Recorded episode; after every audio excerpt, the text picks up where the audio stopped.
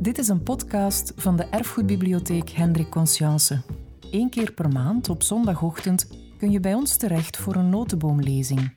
In deze lezingen bekijken we de maatschappij en cultuur van vandaag door een historische bril. Je kan ze hier herbeluisteren. We wensen je heel veel luisterplezier.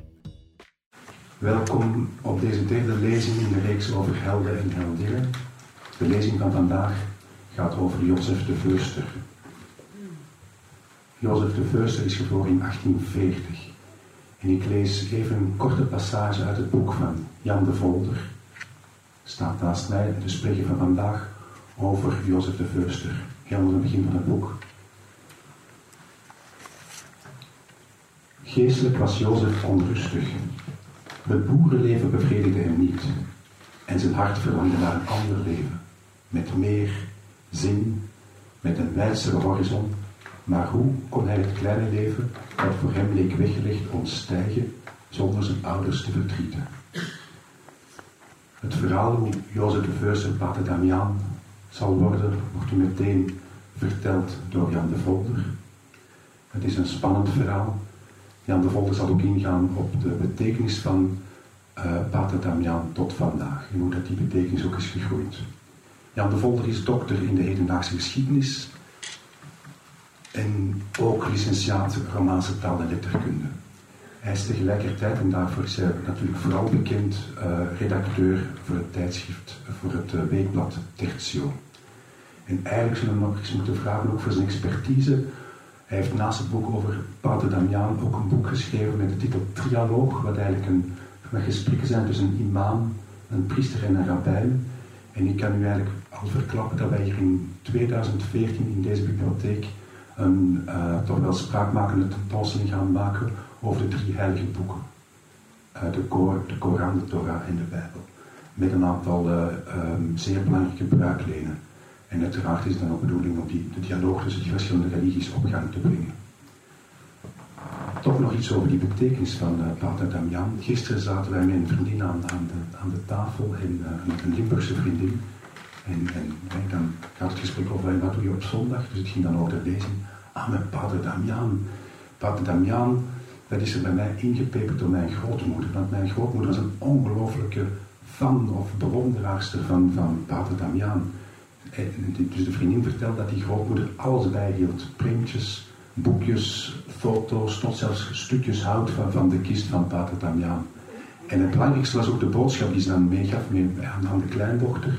En de kleindochter vertelde me dan gisteren, ja, van, ik vroeg haar, wat, wat heb je dan eigenlijk vooral van overgehouden? Het was zo'n goede mens. Zo'n goede mens. Dat heeft blijkbaar die grootmoeder verschillende keren verteld. En dan heeft het blijkbaar dan toch vooral te maken met die uh, opofferingsgezindheid van Damiaan en, de dienstbaarheid waar de spreker van vandaag, Jan de Volter, u meteen meer zal over vertellen. Ik dank u voor uw aandacht.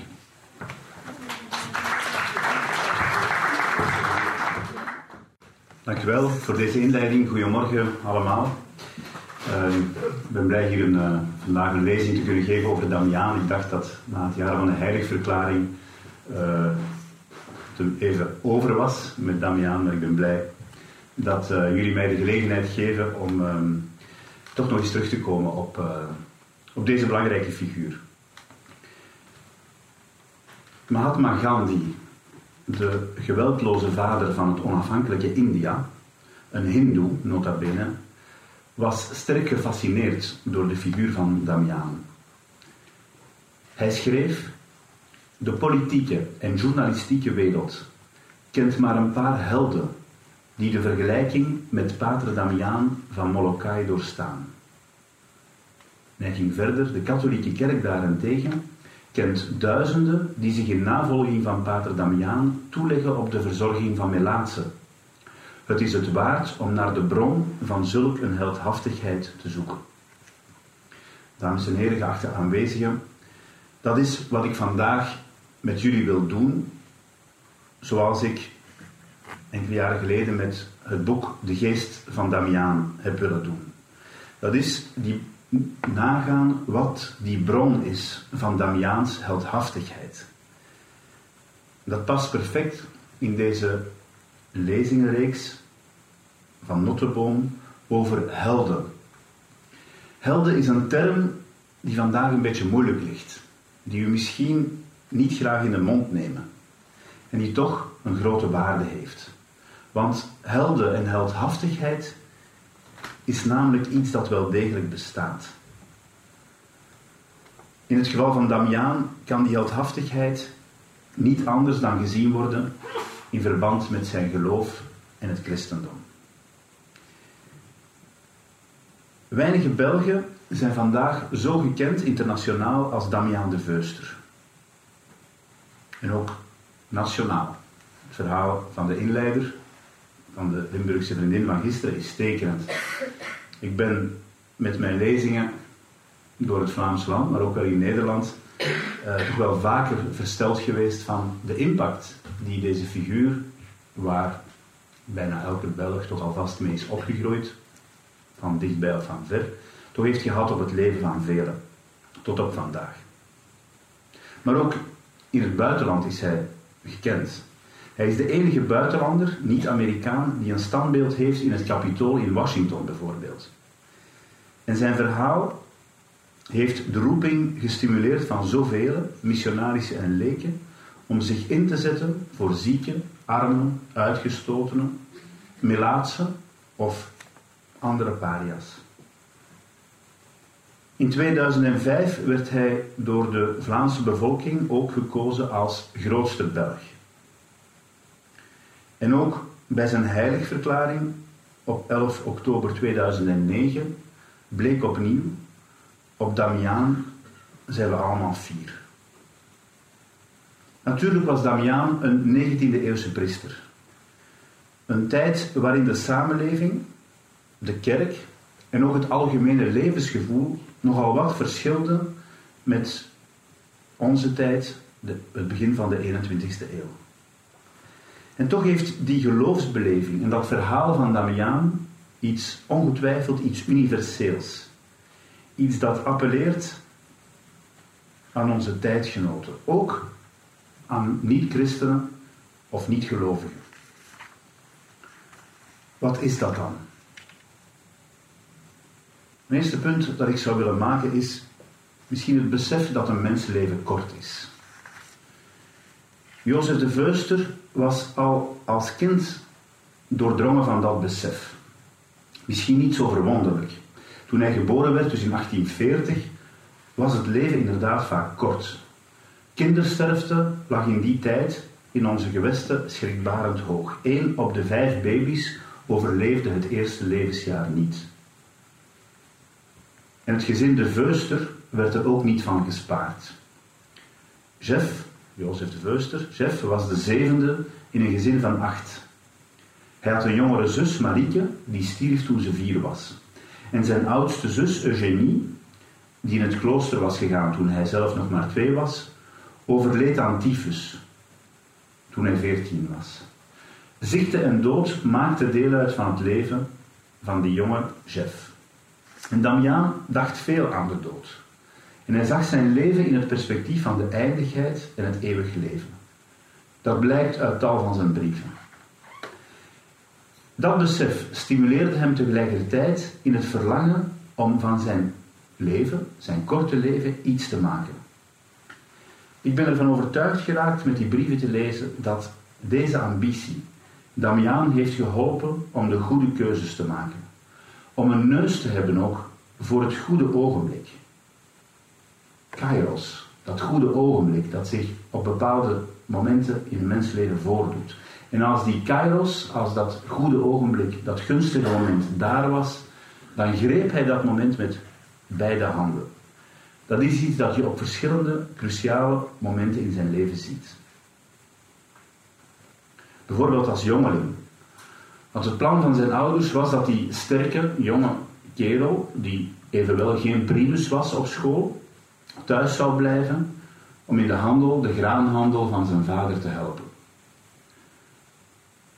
De inleider heeft daar een treffend citaat uitgekozen, uit, die, uit die passage. En Jozef grijpt de kans om Frans te gaan bijstuderen. Frans was toch in die tijd, in het België van die tijd, onmisbaar om hoger op te gaan. En nadien is hij vastbesloten om religieus en missionarisch te worden. Later, toen Pamphile, zijn broer, gekozen was om als missionaris naar Hawaii te gaan, maar door ziekte niet kan vertrekken, is Damiaan er als de kippen bij. Damiaan, die nog niet eens priester was, dringt aan en hij mag vertrekken. Dat zijn voorbeelden van kairos. Dat goede moment, dat gunstige moment grijpen. Nog later, in 1873, als hij al negen jaar in de Hawaïaanse missie is, en daar eigenlijk een tamelijk gewoon, weliswaar hard, maar toch een gewoon missionarische bestaan leidt, stelt de bisschop het probleem van de pastoraal in de Melaatse kolonie van, van Molokai, een van de eilanden van Hawaii. En dan is Damiaan direct kandidaat om te gaan. Als een van de vier vrijwilligers die met een beurtrol om de drie maanden zou gaan. Uiteindelijk blijft hij heel zijn leven. Maar onder die keuzes schuilt een brandende ambitie, die om het leven niet te verspillen aan waardeloze zaken, maar wel aan het enige wat telt. Ik denk dat die sterke keuzes, waar men een heel leven trouw aan blijft, iets is dat de moderne mens fascineert, waarschijnlijk ook afschrikt. Waarom? Omdat het haak staat op een modern levensgevoel. Namelijk dat het leven ongeveer eindeloos is. Dat het leven wel ongeveer zal blijven zoals we het vandaag kennen. Een cultuur waarin we dood en broosheid en sterfelijkheid wegduwen. En waar we zoveel mogelijk ervaringen en kiks moeten opdoen. Dat geldt zeker voor de jongeren, maar dat geldt ook voor zoveel ouderen. Die niet willen leven met het perspectief van de dood en die zo lang mogelijk jong blijven. Gelukkig, hè? Maar tot een dramatisch feit, zoals bijvoorbeeld het dramatische busongeval dat we deze week hebben gekend in Zwitserland, ons met de neus op de feiten drukt en ons confronteert met onze broosheid en onze sterfelijkheid, die niet menselijk is. Ik denk dat het een mens die met dat perspectief voor ogen leeft, helpt om heldhaftige keuzes te maken. De hedendaagse mens maakt uiteindelijk vaak geen definitieve keuzes en hij zwalkt gemakkelijk. Damiaan toont aan wat het betekent grootste leven. Een ander aspect dat onze tijdgenoten onwillekeurig aanspreekt, is denk ik dat wegtrekken. Dat wegtrekken naar de andere kant van de wereld. Uit dat kleine gehucht van Tremelo, Ninde, vandaag is het, ik zeg, een beetje randverstedelijk, zoals heel Vlaanderen zeker. Maar toen was het echt een, een onmogelijk dorp. Vandaar wegtrekken naar de andere kant van de wereld. En Hawaii, dat was echt de andere kant. Dat is echt de andere kant. En ik denk dat dat iets is dat ook aanspreekt in een tijd van globalisering. Het verhaal van Damiaan is niet los te zien van een grote, ongeziene missionaire beweging. Die toen op gang kwam met de katholieke revival van die tijd. En die tot diep in de 20e eeuw heeft voortgeduurd. Een zendingsdrang die toen de hele westerse christenheid kenmerkte. Niet alleen de katholieke kerk, maar bijvoorbeeld ook de protestantse, de protestantse kerken. Maar het enorme aantal missionarissen dat van hieruit vertrokken is, getuigt van de dynamiek die een militante katholieke kerk in onze kontrij ontwikkelde. Want welke Belg heeft er niet ergens een missionaris in zijn familie of kennissenkring? En het succes van die onvolprezen reeks op Canvas deze dagen, Nonkel Pater, toont dat een beetje, toont dat een beetje. Maar toont ook hoe dichtbij eigenlijk die geschiedenis nog is. Die mensen die dat hebben beleefd en meegemaakt, die zijn er vandaag en goed in staat om helder hun verhaal te doen. Ik weet dat er is de laatste decennia veel kwaad verteld over missionarissen. Ze zouden paternalistisch te werk zijn gegaan, handlangers zijn geweest van onderdrukkende koloniale systemen, van onrecht en uitbuiting. Maar naarmate de tijd van missioneren verder van ons af ligt, komt er weer ruimte, denk ik, voor een genuanceerder oordeel. Want die missionarissen brachten ook, met al hun menselijke tekortkomingen, een evangelie dat een ongehoorde boodschap van gelijkheid en vrijheid inhield. waarmee vele volkeren, vele mannen en vrouwen, hun voordeel hebben gedaan. En je kunt niet anders dan onder de indruk komen van een grenzeloze edelmoedigheid die generaties christenen hebben getekend. Er zit ontegensprekelijk grootheid in. En ik denk dat de generatie van vandaag daar opnieuw onbevangener voor open staat. Zoals je ook kunt begrijpen uit die toch over het algemeen zeer positieve reacties op die non-pater-reeks.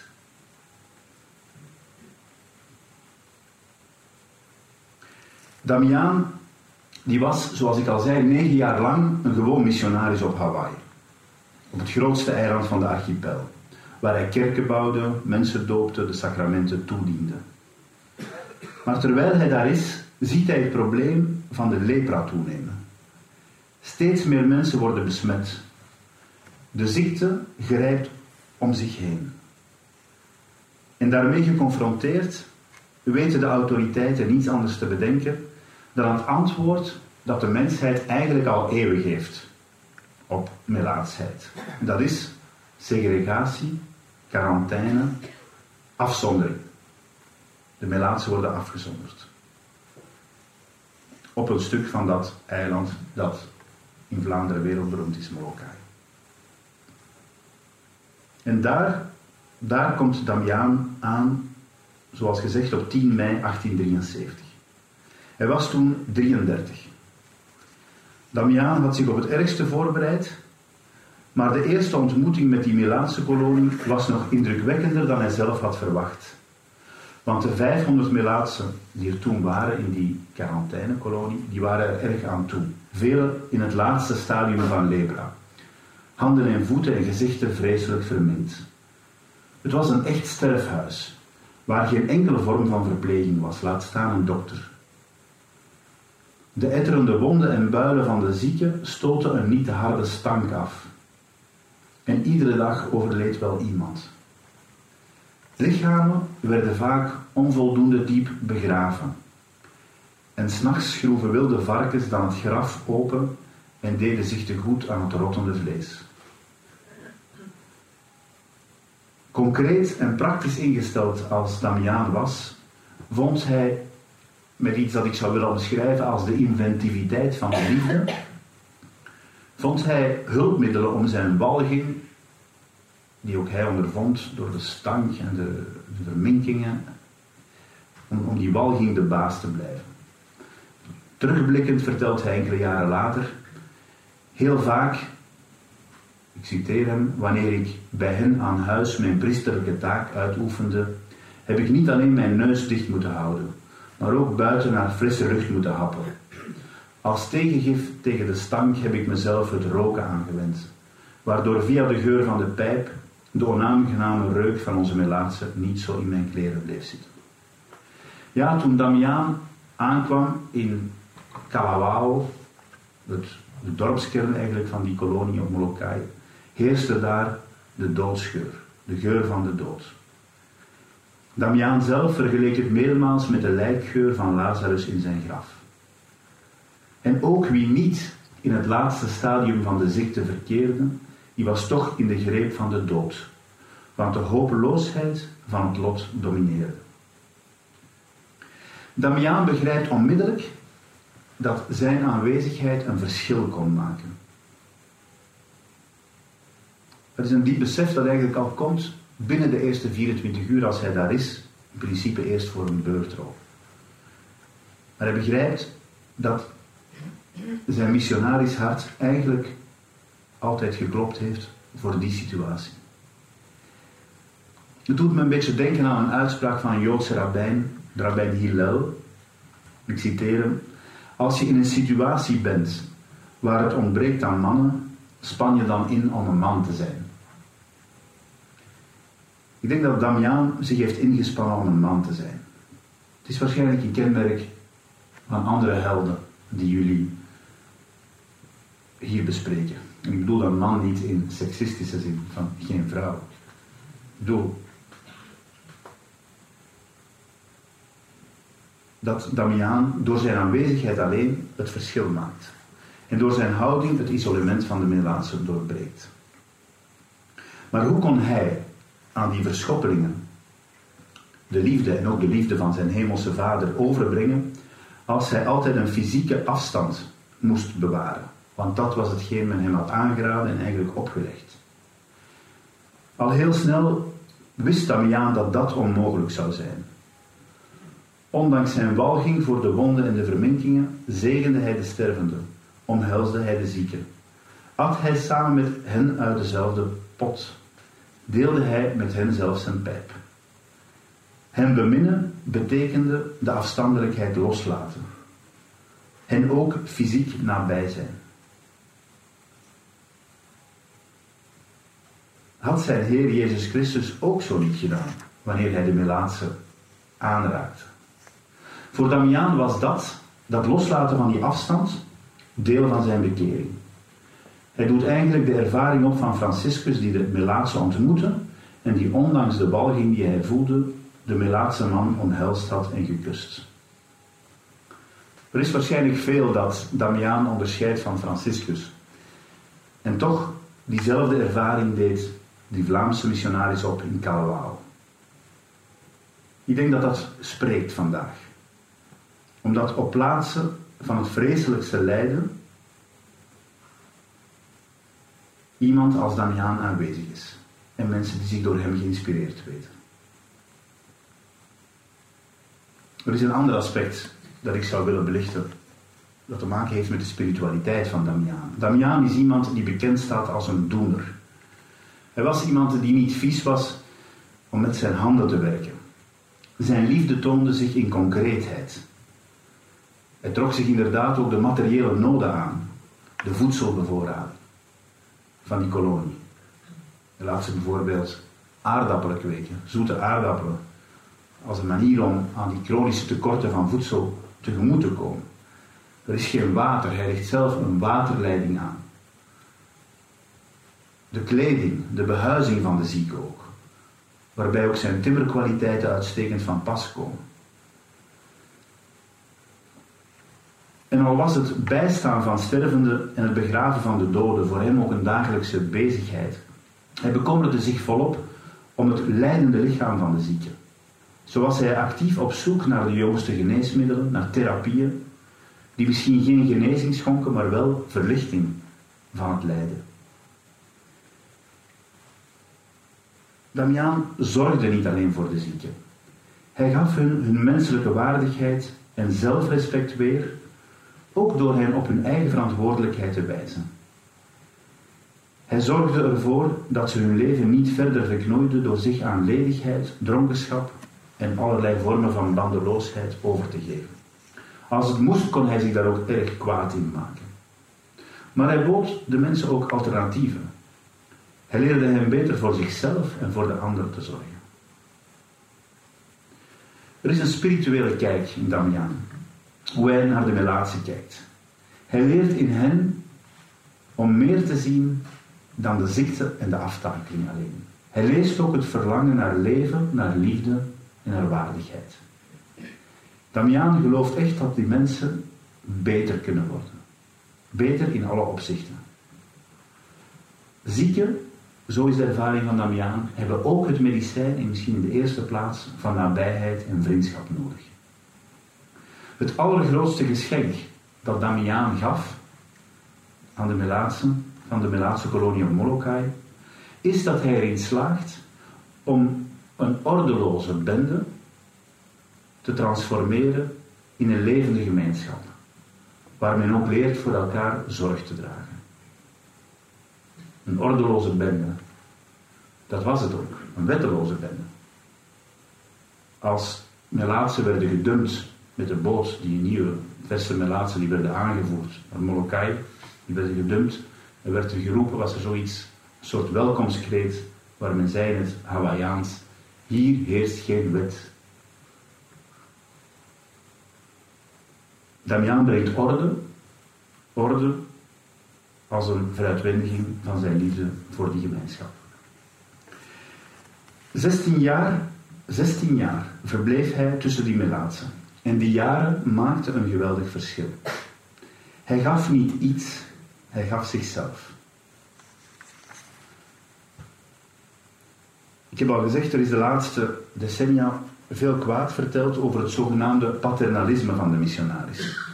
En Damiaan, die zowat het prototype is van, onze, van de Vlaamse missionaris, van de missionaris, toont toch aan dat het ook vaak om iets anders ging. Als het goed was, ging het niet om vernederend paternalisme, maar wel om vaderlijkheid die een familie en een gemeenschap stichtte. Dat alles zou niet mogelijk geweest zijn als Damiaan niet kon steunen op een sterk geloof. Hij is niet zomaar een held, hij is een christelijke held. Een geloof dat gedragen werd door een regelmatig gebedsleven.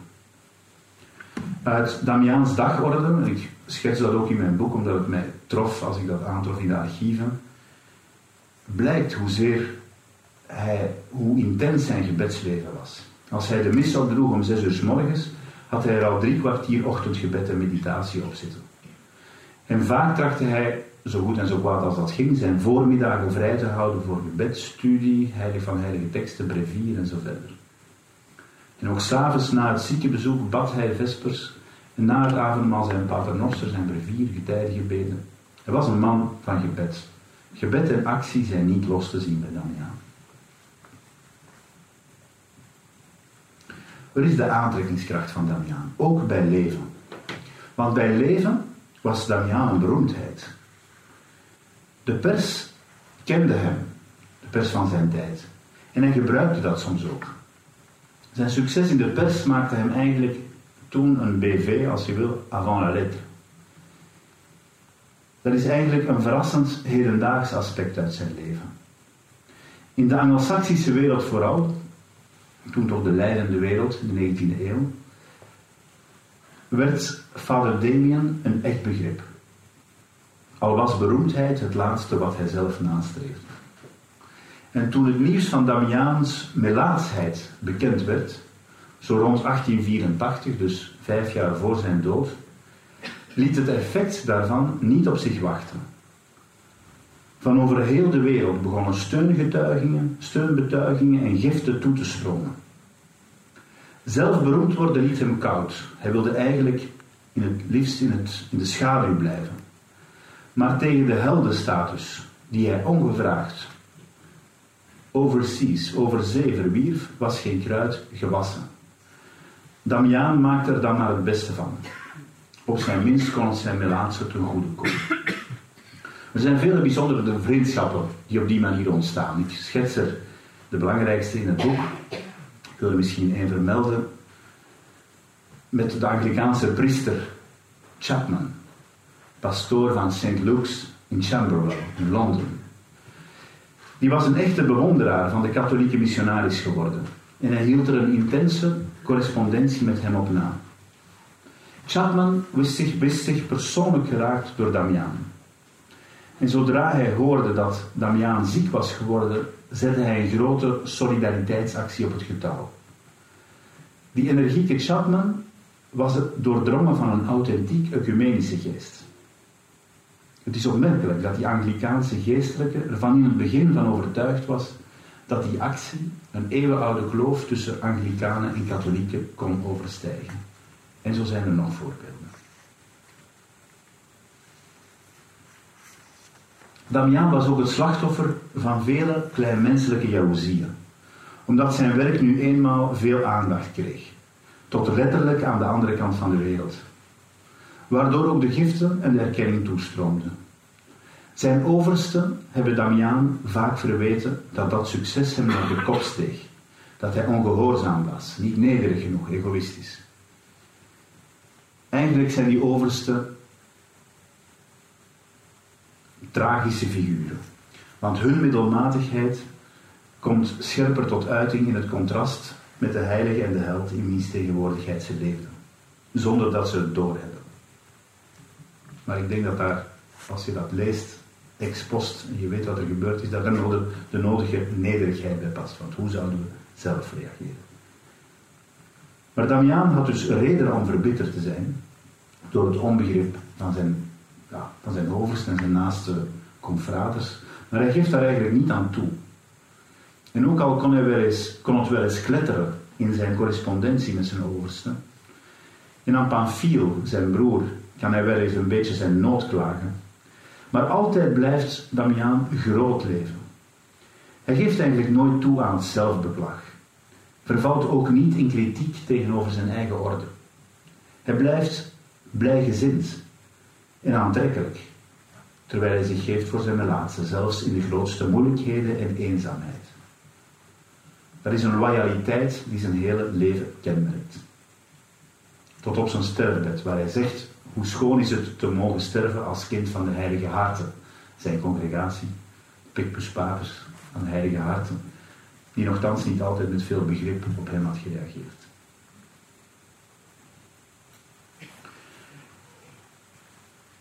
Nadat met zekerheid was vastgesteld dat Damiaan lepra had opgelopen, leefde hij nog bijna vijf jaar met wat hij in zijn brieven eufemistisch de vreselijke ziekte noemde. Toch behoren die laatste jaren eigenlijk tot de mooiste van zijn leven.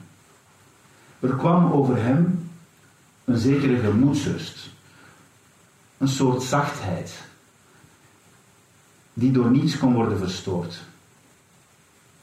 Zelfs niet door het soms flagrante onbegrip van zijn overste. En zijn brieven krijgen een tot dan toe ongekende spirituele diepte. De identificatie met de leidende dienaar werd compleet. De uitdrukking wij melaatsen, die bekend is en die ook de titel is van een biografie van Damian van enkele tientallen jaren geleden. Wij melaatsen was eigenlijk een woord wat Damian van in het begin gebruikte, toen hij nog een gezonde jonge missionaris was, 33. Maar die krijgt zijn volle profetische dimensie en die beleeft hij eigenlijk als een genade wanneer hij zelf ziek wordt. Een van de mooiste aspecten van Damiaans leven is dat hij in de laatste, man, de laatste maanden van zijn leven nog gerealiseerd ziet datgene waar hij zo voor had gewerkt, gedroomd, gesmeekt en gebeden. Namelijk de komst van medewerkers en gezellen om hem bij te staan. En dus de zekerheid dat zijn levenswerk zou worden voortgezet, ook na zijn dood. Daar zitten merkwaardige figuren tussen. De eerste is bijvoorbeeld een zekere Joseph Dutton, een Amerikaan van toen 42, die na zijn bekering tot het katholicisme zijn vroegere zonde van een nogal wild en liederlijk leven wilde uitboeten door in afzondering te gaan op Molokai. En daar met alles wat hij kon Damiaan bij te staan. De komst van die man was een ongelooflijke vreugde en genade voor Damiaan. Ook de lang verwachte priester en bichtvader diende zich aan. Een van de grootste tragedies van Damiaan was eigenlijk dat hij bij gebrek aan confrater, die bij hem bleef, niet geregeld kon bichten. En voor hem was het een, een angst om misschien te sterven zonder, zonder gebicht te hebben. En toch komt ook die lang verwachte priester en bichtvader op het einde in de figuur van Conradi. Conradi was een gedreven Luikse missionaris. Een man met een ongelooflijk levensverhaal ook. Misschien een tip voor eens een volgende lezing over helden. Maar die in tegenstelling tot Damiaan vrijwel volledig vergeten is. Hij werkte in de Rocky Mountains bij de Indianen, maar toen hij hoorde dat Damiaan ziek en alleen was op Molokai, bood hij zich aan terstond om zijn landgenoot te gaan bijstaan. Damiaans oversten waren daar niet voor te vinden, want Conradi was immers een diocesaanpriester, geen Picpus. En dus vonden ze dat Conradi best nog eerst enkele jaren op noviciaat zou gaan. Maar uiteindelijk komt die Conradi toch en blijft hij bij Damiaan in zijn laatste levensjaar. Ook dat betekende een grote vertroosting. En tenslotte was er ook de komst van de zusters Franciscanessen. Onder leiding van zuster Marianne Koop uit New York. Ook een dame met een straflevensverhaal. Zij wordt ook binnenkort, ik denk dit jaar als ik me niet vergis, heilig verklaard. Dat is merkwaardig. Het is, het is een mysterie om te zien hoe eigenlijk op die microcosmos van Kalawao, van Molokai, hoe eigenlijk ja, de heiligheid van de ene de heiligheid van de andere opweegt. Op Damiaans aandringen waren die zusters naar Hawaii gekomen.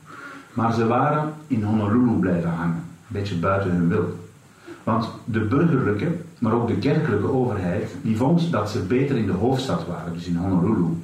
Want daar kwamen veel bezoekers en de verzorging van de zieken moest er voorbeeldig uitzien.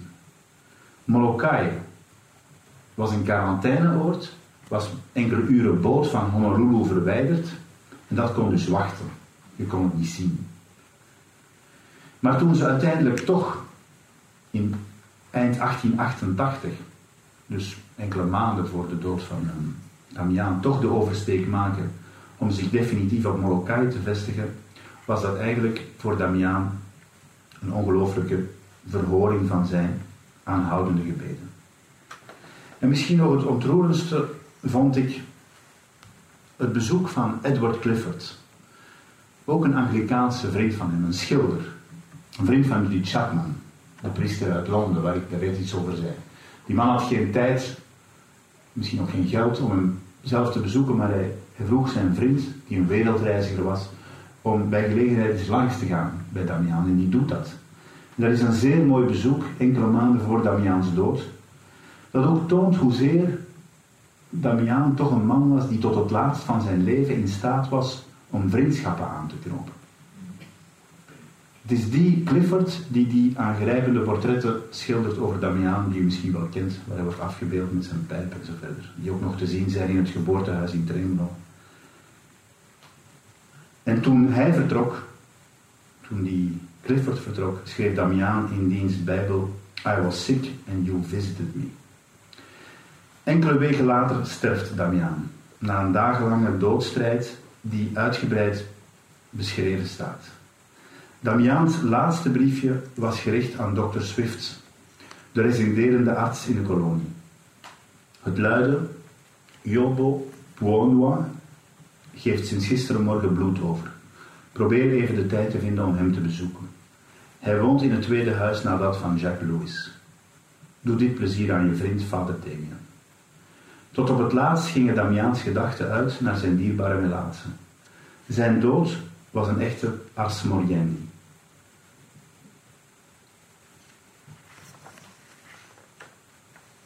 Nog enkele woorden misschien over heldhaftigheid. Damiaan heeft ontelbare geïnspireerd. Tijdens zijn leven, maar vooral daarna. Om zich in te zetten in de strijd tegen lepra. De Damiaan-actie bijvoorbeeld. Of voor zoveel andere armen. Zijn voorbeeld heeft ook een ongelooflijke energie gegenereerd in de strijd tegen lepra. Een ziekte die vandaag nog niet helemaal overwonnen is, maar toch zeer goed behandelbaar is geworden. Het getuigenis van Damiaan gaat verder. Hij was niet zomaar een activist. Zijn leven toont aan dat er schoonheid, vreugde en menswaardigheid te vinden is, zelfs in de diepste ellende. Hij geeft niet toe aan hopeloosheid, zijn aanwezigheid alleen al bracht hoop. Ik denk dat aan zo'n helden iedere tijd, ook de onze, grote nood heeft. Het volstaat niet om alleen te betogen of te verontwaardigd te zijn of te ijveren voor betere structuren. Een getuigenis wordt pas echt relevant door liefdevolle en onbaatzuchtige aanwezigheid te midden van de armen. Bij uitstek door de dienst van de minste van mijn broeders wordt God gediend. Dat is de blijde boodschap die Damiaan wilde beleven in de omstandigheden die de zijne waren en die, hem, die hij consequent heeft beleefd.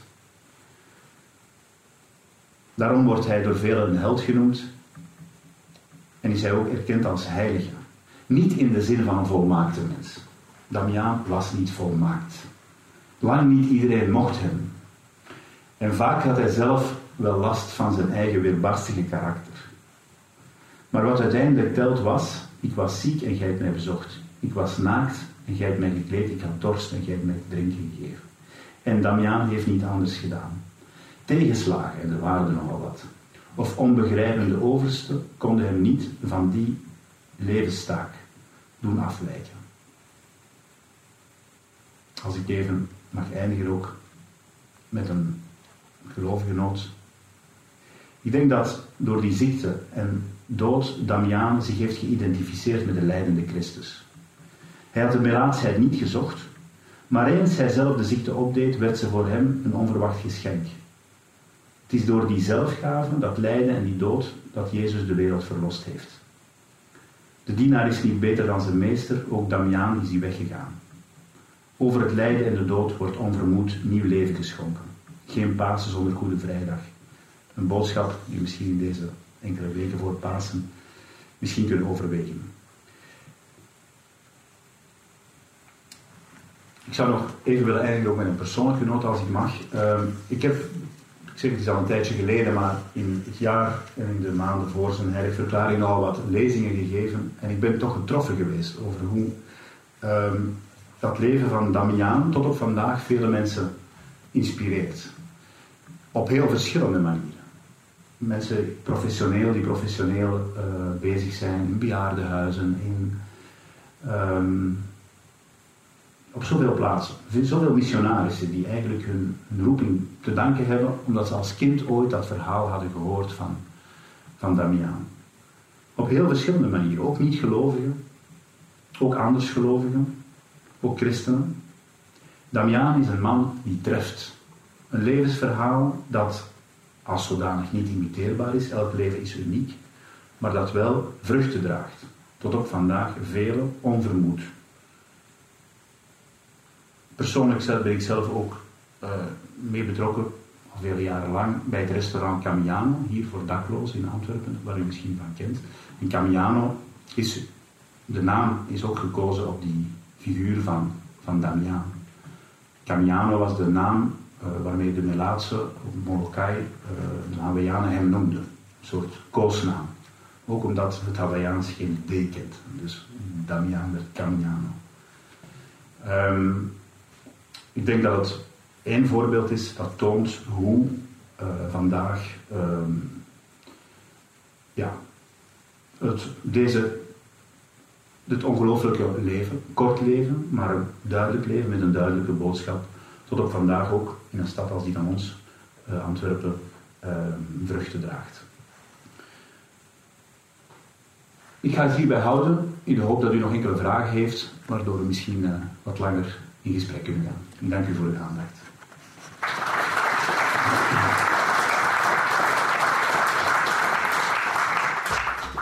Je luisterde naar een podcast van de Erfgoedbibliotheek Hendrik Conscience. Wil je nog een andere lezing beluisteren?